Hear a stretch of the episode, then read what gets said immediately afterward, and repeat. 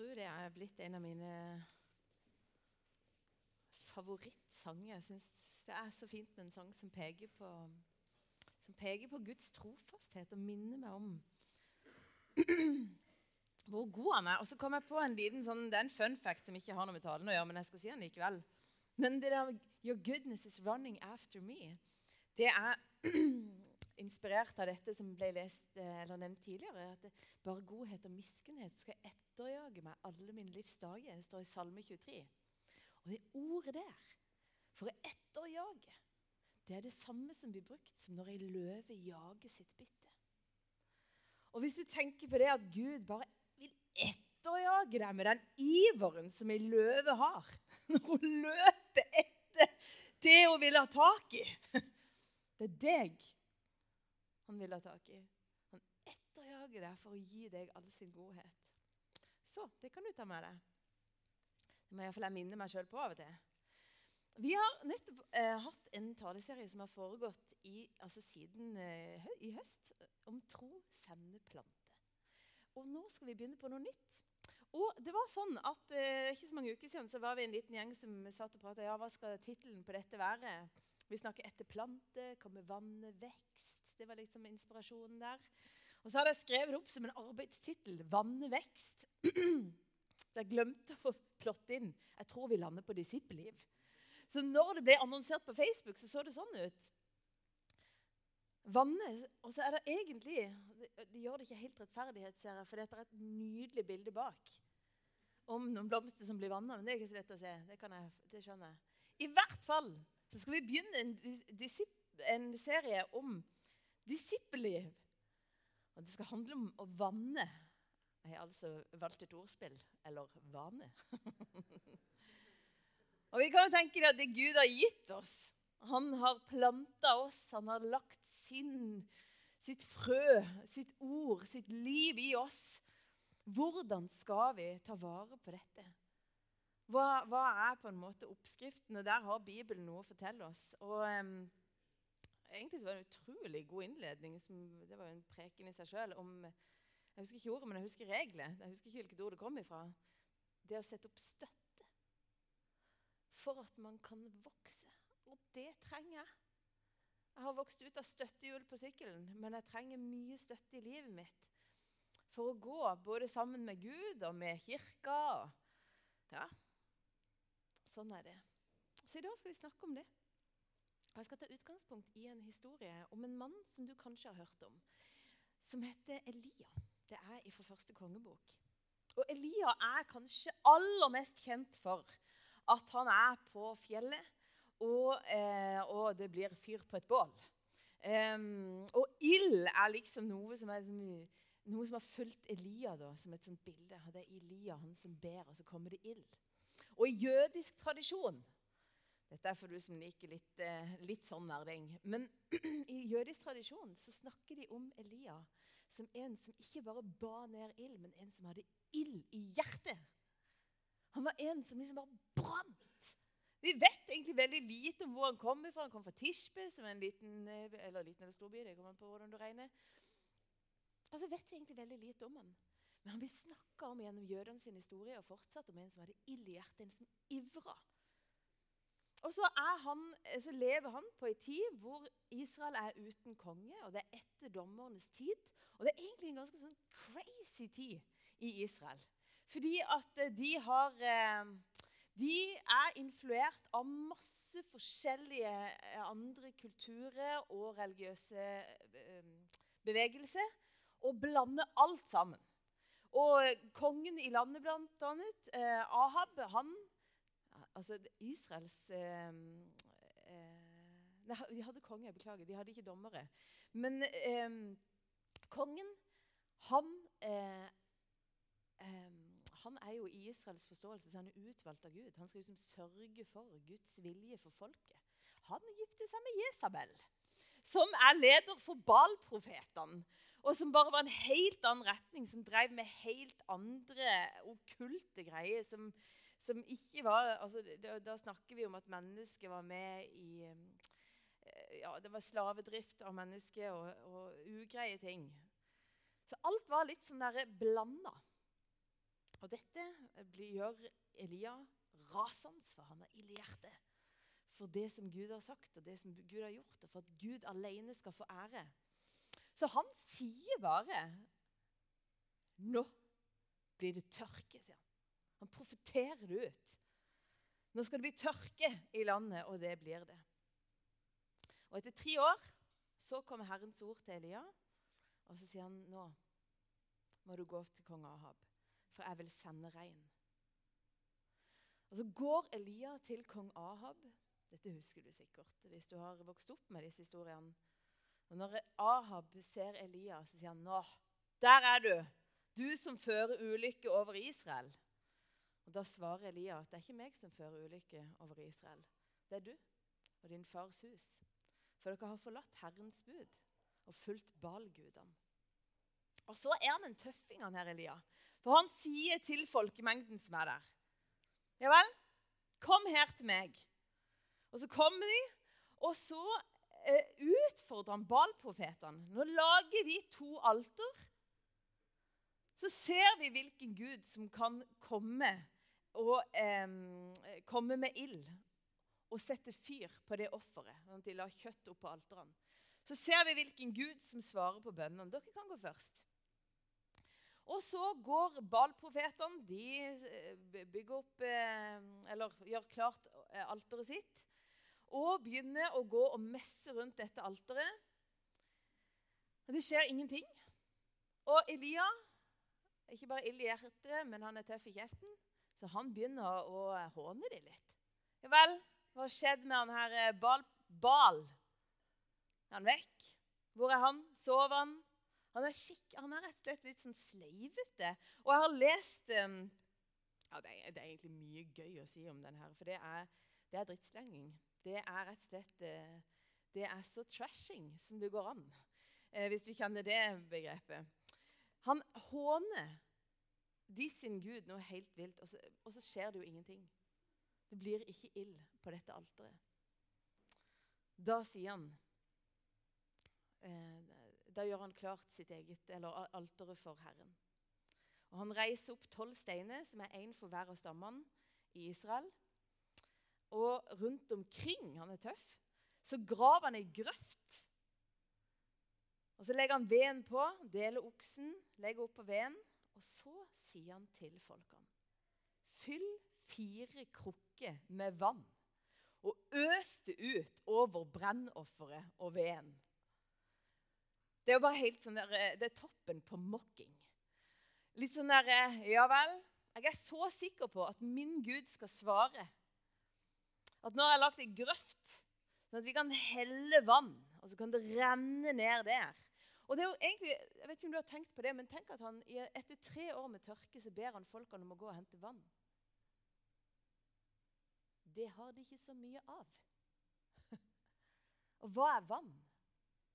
Jo, vannet Det er jo egentlig det livsløftet de har. Det er pengene sine. Det er, måte, det er det eneste de har av verdi. Det er vann. Det eneste de har av verdi. Så det er ikke noe småtteri han sier. Han er ikke bare tøff i trynet. Han utfordrer dem. Kom igjen. Kom med det dere har. Kom med livet. Kom med det du verdsetter. Kom igjen. Og så gjør de det. De henter opp fire krukker med vann. Og da må jeg si Det sånn, det er ikke sånne små krukker, det er sånne svære greier som de bærer opp. Og så øser de det utover. Og det står at vannet fløyt rundt omkring alteret. Til og med grøften ble fylt med vann. Og så skjer det når Elia ber. Så tar det fyr. For Gud svarer på bønnen. Det er jo Gud som har sagt at han har tenkt å gjøre noe. Og det Gud sier, det fullfører han. Det snakka vi om sist gang. hvis du var her da. Guds ord det skaper alltid noen ting. Og da blir folket i ekstase, og de jubler. Herren er Gud! Det er Elias sin Gud. Det er Israels Gud som er Gud. Og så sier Elia til Ahab ja, må du forte deg hjem. Kan du bare gå og spise, for jeg hører susen av regn. Og Ahab går. Han forteller det jo til kona si. forteller det til Jesabel. Hun var der antageligvis ikke, da. Men hun får vite dette. Hun er high priestess, altså hun er høyprestinne for Baal-profetene. Hun blir rasende. Hun blir rasende, og hun truer Elia med hevn. Måtte det skje. Det skal skje med deg som det skjedde med Baal-profetene. Ja, det var en liten digresjon her. Helt på ikke en digresjon, men det glemte jeg å si. da. Det at De sabla jo ned Baal-profetene etter at eh, Gud hadde svart. Så de drepte Baal-profetene. Og nå sier hun, Elia, det skal skje med deg som det skjedde med Baal-profetene. Og så skjer det noe. Det skjer noe her i historien. For man skulle jo tro at med en sånn seier Gud har svart. Han sendte ild. Han viste seg tilliten verdig i det de kom med alt som betydde noe for dem. Så var han tilliten verdig. Han kommer. Det kommer òg regn. Du kan gå hjem og lese i første kongebok. Det kommer regn. Likevel så kan du snu sida, og så sitter plutselig Elia der under en gyvelbusk. Og så sier han, 'Herre, ta mitt liv.' Herre, ta mitt liv. For det, nå, altså, nå vil Jesabel ta livet av meg. Det har skjedd noe veldig rart her. Ifra en fantastisk seier og sikkert jubelsang og det er tango og det ene med det andre, så er han plutselig under en busk, tilsynelatende i teksten ganske alene. Og Der sitter han og tenker seg, hva skjedde her? Hvor er de som skulle seire sammen med Elia? Det var 400 Baal-profeter som ble drept idet de tapte mot Israels gud. Hva er det som skjer at denne kjerringa Jesabel kan si Ja, nå skal jeg ta det. Og så sier Elia, 'Hjelp, hjelp.' Og så setter han seg under en gyvelbusk. Og så er han så redd. Og så sier han til meg til Gud, Gud nå, nå er det ikke vits for meg å leve her lenger. Det er ingenting for meg. Gud har nettopp besvart bønnen hans med ild og regn. Og hvor er de andre som skulle seire sammen med ham? Hvor er de andre? Hvorfor var det ingen i det Jesabel sier? Når Jesabel sier sånn her 'Jeg skal ta det', hvorfor er det ingen som sier 'Det skal du ikke'? Kjerring! Og så Hvorfor er det ingen som tar henne? Hva skjer her? Hvorfor sitter han der under den busken helt alene? Og gråter og tenker at jeg er ute med livet mitt. Han kjenner på frykt. Og Kanskje han òg kjenner på noe som jeg har kjent på mange ganger. Jeg har kjent mange ganger på frykt, så det er ikke, det er ikke for å dytte det vekk. Men kanskje han kjenner på tomhet. Jeg tror kanskje at det er mange her som har en sånn erfaring. At det har vært noe fantastisk på et tidspunkt i livet med Gud. Alt var topp. Virkelig en opplevelse av seier og ild og alt det gøye. Og, og i begynnelsen så var alle sammen og enige om hvor gøy det var. Og så plutselig, da Ja, ja vel ild. Ja vel regn. Man venner seg jo til både ild og regn. Jeg vet ikke. Eller tanken på det. Jeg, jeg vet ikke.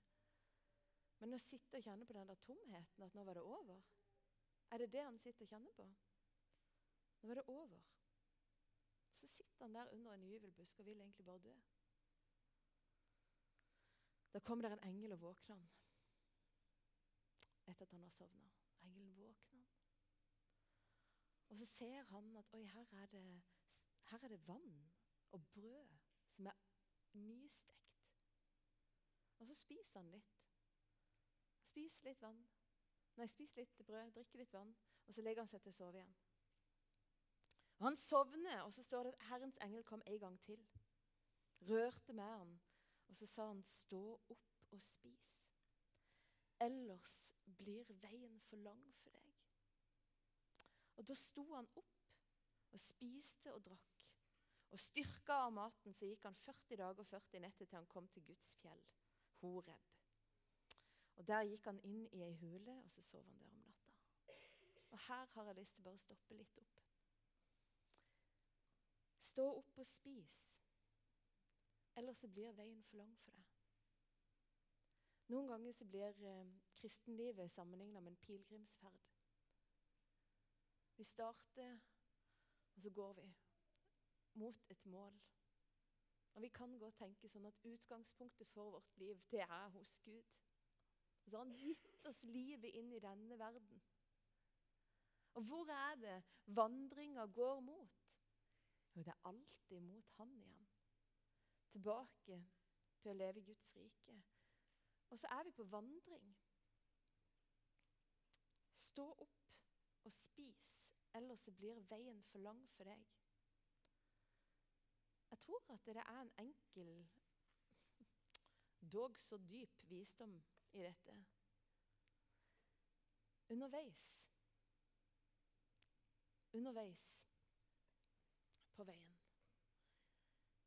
Om du har brennende iver, et hjerte av ild eller kanskje ikke det kjennes sånn. Så vil det se forskjellig ut. Men husk å spise og drikke. Ellers blir veien for lang for deg. Det holder ikke. Du må støttes opp av noen ting. Du må ta til deg noe som gir livet liv. Og her så har himmelen kommet til Elia med brød og vann. Det han trenger. Det er det han trengte for å fullføre. Jeg har lyst til å bare si at himmelen har gitt deg det du trenger for å fullføre. Han har gitt deg brød. Hvem er livets brød? Det er Jesus Kristus. Hvem har livets vann å gi? Jo, det er han. Og ved sin ånd så er han til stede hos oss. Ved sin hellige ånd. Vi tar imot det. Vi tar imot det når vi tar imot nattverden, vi tar imot det når vi leser Guds ord. Vi tar imot det når vi ber bønnene våre. Vi tar imot det når vi går inn i fellesskapet. Det er ikke alltid det er ild og halloi. Det er ikke alltid det er sånn det føles å være troende. Det er ikke alltid jeg syns det er lett å finne troen heller, alltid når jeg leter inni meg sjøl.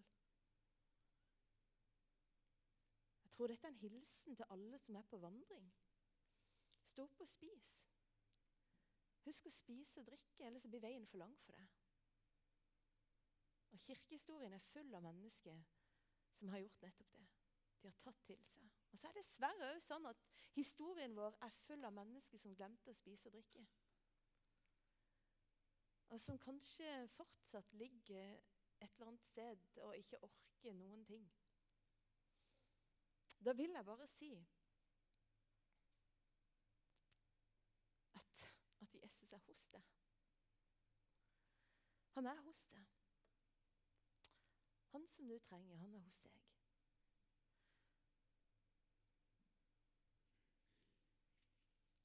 For meg er det sånn, Jeg måtte innrømme noe. Jeg, jeg fikk lov til å være med i fengselet for noen uker siden. Og Da snakka vi om det med å lese Bibelen. Jeg måtte bare innrømme noe som fortsatt er sant det er at jeg har en sånn periode nå hvor jeg syns det er litt kjedelig. Det er så kjedelig å lese Bibelen. Jeg finner ikke helt rytmen. Jeg klarer ikke helt å komme meg inn i, i Skjønner du? Åh! Vet du hva jeg har gjort? Jeg har begynt hver morgen mens jeg ennå ligger i senga. Så går jeg inn på bibel.no og trykker jeg på play. Og så leser de dagens bibelvers for meg. Så tenker jeg ja, ja. Guds ord. Sånn tar jeg imot i dag. Når jeg var barn, så vokste jeg ikke opp i en menighet, i en, menighet, i en familie hvor det var veldig mye fribønn. Og vi, vi sang formaten for maten til middag. Ellers så spiste vi når vi skulle. Og vi hadde ikke noen så store Det var ingen som snakka om å lytte til Guds stemme eller høre hvordan den hørtes ut. Eller vi ante ikke hva nådegave egentlig var før jeg var jeg tror nærmere 20. Hvor jeg liksom hadde fått hørt ordentlig om det. Men vet du hva vi gjorde? Vi ba Fader vår hver eneste kveld. Som et pulsslag i livet. Og vi kjente ikke etter. Kjente ikke etter noen ting. Var ikke ute etter å kjenne hvor dypt jeg kjente Guds nærvær. Altså, Det var ei regle helt til jeg begynte å skjønne at de ordene hadde mening. Og så begynte jeg å si dem, for det var jo sånn vi gjorde det hos oss. Så enkelt. Jeg tror at det var en måte å spise og drikke på. Og så må jeg innrømme en annen ting òg. at Det er fortsatt sant det der om at jeg syns det er litt kjedelig å lese Bibelen. Men det er akkurat som det er i ferd med å løsne. Sånn er det. Det går i sesonger her i livet. Stå opp. Spis og drikk. Eller blir veien for lang for deg. Gud vet hva du trenger. Gud vet hva du trenger, og han vet. Og jeg tenker at han ivrer, han etterjager oss med sin godhet med sitt ord, med sin kraft, med sin nåde, med sin ånd. Han ettergjør oss, for han vet hvor utrolig godt det er for livet. Han er den som har liv, som gir liv, sånn at vi kan leve. Og han vet jo hva målet er. Og noen som hadde mål, og som vi ble minnet om, vi som var på Vegårtun på ledermøte, nei, lederskole, hva det heter for noe, i januar, det var at det var noen som hadde mål. I 1911 så var det noen som hadde satt seg et mål. Og Kanskje du kjenner det igjen, for det var Amundsen og Scott. Og Amundsen har jeg nettopp sett på Magic Ice Bar. I et bilde de hadde lagt i is, for han er jo en stolthet for oss. Så jeg har ikke sett han, da, sett et bilde av han. Og Scott han kom fra England, og de hadde kappløp. Hvem kan nå Sydpolen først? De skulle legge bak seg en distanse som tilsvarer Lindesnes Nordkapp. Det er langt. Hva er forholdene? Det er 30 minus. De har ikke mobil, de har ikke helikopter, de har ikke snøscooter. Snøscooter, det har de ikke.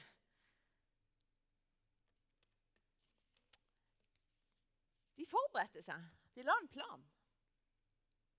Amundsen han brukte over ett år på Grønland blant inuitter for å sjekke ut hvordan overleve.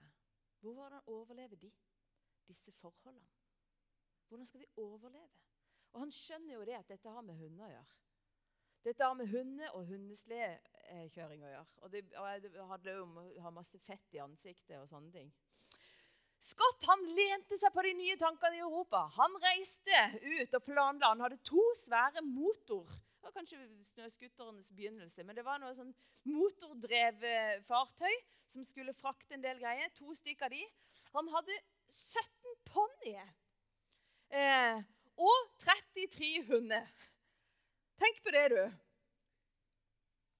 Og de la ut noenlunde samtidig. De hadde litt forskjellig taktikk. De hadde forberedt seg grundig, begge to. Amundsen han lente seg på erfaringer, på historien, på det mennesket før hadde erfart at holdt. Scott han tok inn alt det nye, for det måtte jo være veldig bra. Og så begynner de. Og taktikken til Amundsen det var at hvis vi går 25,6 km hver dag, da kommer vi fram. Og da gjorde de det. De gikk 25,6 km hver dag. Om det regnet, om det snødde, om det var solskinn. Da gikk de den distansen. Og så holdt de puls på det. Scott og gjengen fra England, de gønna på i sånn vær som dette. Og var raste av sted. Og hvis det var regn eller dårlig vær, så holdt de seg i teltene. Og en gang så ble de en hel uke i telt. For det var jo så dårlige forhold. Det var ett av de teamene som vant, og det vet du nok. Det var Amundsen. Noe som kanskje er mye verre, det er at det var bare ett av teamene som overlevde. Det var Amundsen og gjengen. Det er noe Det er noe med å lene seg på det som mennesker i århundrer og tusener har erfart at holder. Og la de støttene som holdt for dem, bli støtte for oss. Og lene seg til det. Og vi er jo sånn skrudd i hop at vi vil jo ikke stenges inne. Og med en gang vi mørker det, så kan det være at vi pff, må kjenne behovet for å slå, slå oss fast. Men kan vi, kan vi bli venn med dette her? Kan vi bli venn med dette? Å være ramma inn av Gud? Disiplene Det står at de holdt seg til læren. til fellesskapet, til brødsbrytelsen og til bønnen. De holdt seg til det. De holdt seg til det. De spiste og drakk. For de visste at hvis ikke så blir veien for lang. Elia han går i 40 dager og 40 netter, står det. Jeg regner med at han sover litt innimellom. Men da går han til Guds fjell Horeb, og der snakker han med Gud. Hva er målet for hans vandring? Han kommer til et sted hvor han på en måte får, uh, i større grad enn tidligere i denne fortellinga, kontakt med Gud. Og da sier Gud noe veldig fint. Så sier han, 'Hva gjør du her?' Hei, Elia. Hva gjør du her? Hei. Hva vil du? Hva trenger du? Og så er det Elia, vet du. Han sier, 'Jeg har vist jeg har vist brennende iver for Herren, herskarenes Gud. For israelittene har forlatt din pakt, dine altere har de revet ned, og dine profeter har de drept med sverd. Jeg er den eneste som er igjen, og nå står de meg etter livet. Og Nå karikerte han litt, det var ikke pent gjort. Og Likevel så understreker det noe av det jeg har lyst til å si. For Elias står, og Gud snakker til ham. Og det første som bare han må få tømt, det er sin klage og sin frykt. Er ikke det fint? Det første som skjer, det er at han bare øser ut. Jeg har det så fælt! Det er så grusomt å være med. Ja, jeg vant. Vi vant. Og nå er det regn, og folk kan leve igjen. og Det er noen hyggelige ting her. Men det var ingen som var på mitt lag. Han bare øser ut. Og det er jo sant, han har jo opplevd dette. Det er sant. Noen vil ta livet av ham. Da, men det er likevel noe sånn umodent. Og det liker jeg med denne fortellinga. At Elia kan komme litt sånn umoden innenfor Gud. Og bare øse ut. Han bare kommer, og så øser han.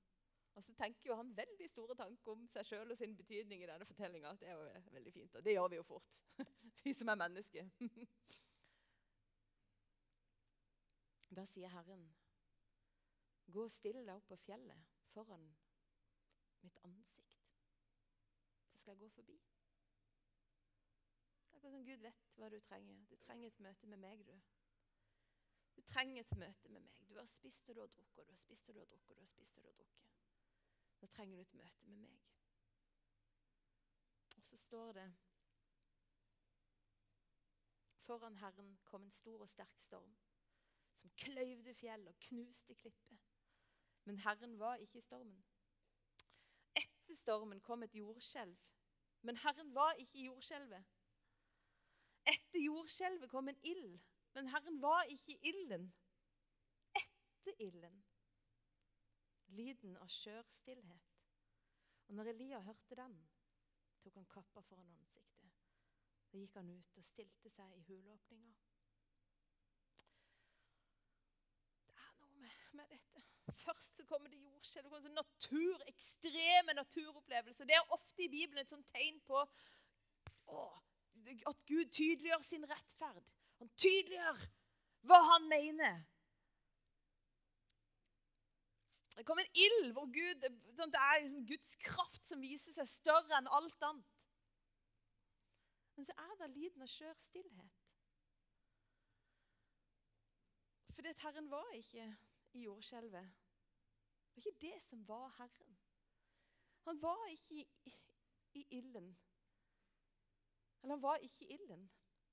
Men det kommer lyden av en skjør stillhet. Og nå skal jeg tilbake til noe som jødene har visst lenge, og som jeg nettopp har oppdaga. Og dette er ordet for skjør stillhet. Det knytter de sammen med ord i høysangen. Og Hvis du kjenner høysangen, så handler den om det intime kjærlighetsforholdet med Gud. Om det å være hos ham, å være hans venn. Å ha et ordentlig hjerteforhold med ham. Å kjenne ham som kjenner deg, som bryr seg. Og Jeg tror at Gud er til stede i alt han gjør, både i storm og i ild. Og han er den som skaper og så er det interessant det denne fortellinga lærer oss. At målet, Elia, for din vandring det er det intime forholdet med meg. Det er vennskapet med meg. Og du har et hjerte av ild, Elia, som vil så mye, og som kjemper for så mye. Men du skjønner det, at det som betyr noe Det er du og meg sammen. Jeg tenkte på det når jeg forberedte meg. så tenkte jeg, Det er målet for livet. Ja, det er himmelen. Men det handler om akkurat det samme, for det handler om å være hos Han. Å kjenne Han, ha vennskap med Han gå med Han. Det er en lære for Elia. Det er en måte Gud sier at Elia, det er dette du trenger. Jeg elsker ildhjertet ditt. Jeg elsker at du brenner så tydelig. Men det er dette som er livet. I den der skjøre relasjonen med meg. Og det er dette du skal gi. Det er dette du skal gi. Det er dette du skal gi til mennesket. Det er ikke jordskjelv. Det er ikke brenne opp. Det er den kjærligheten du skal gi. Jeg ber en bønn, og så skal vi være sammen med Jesus.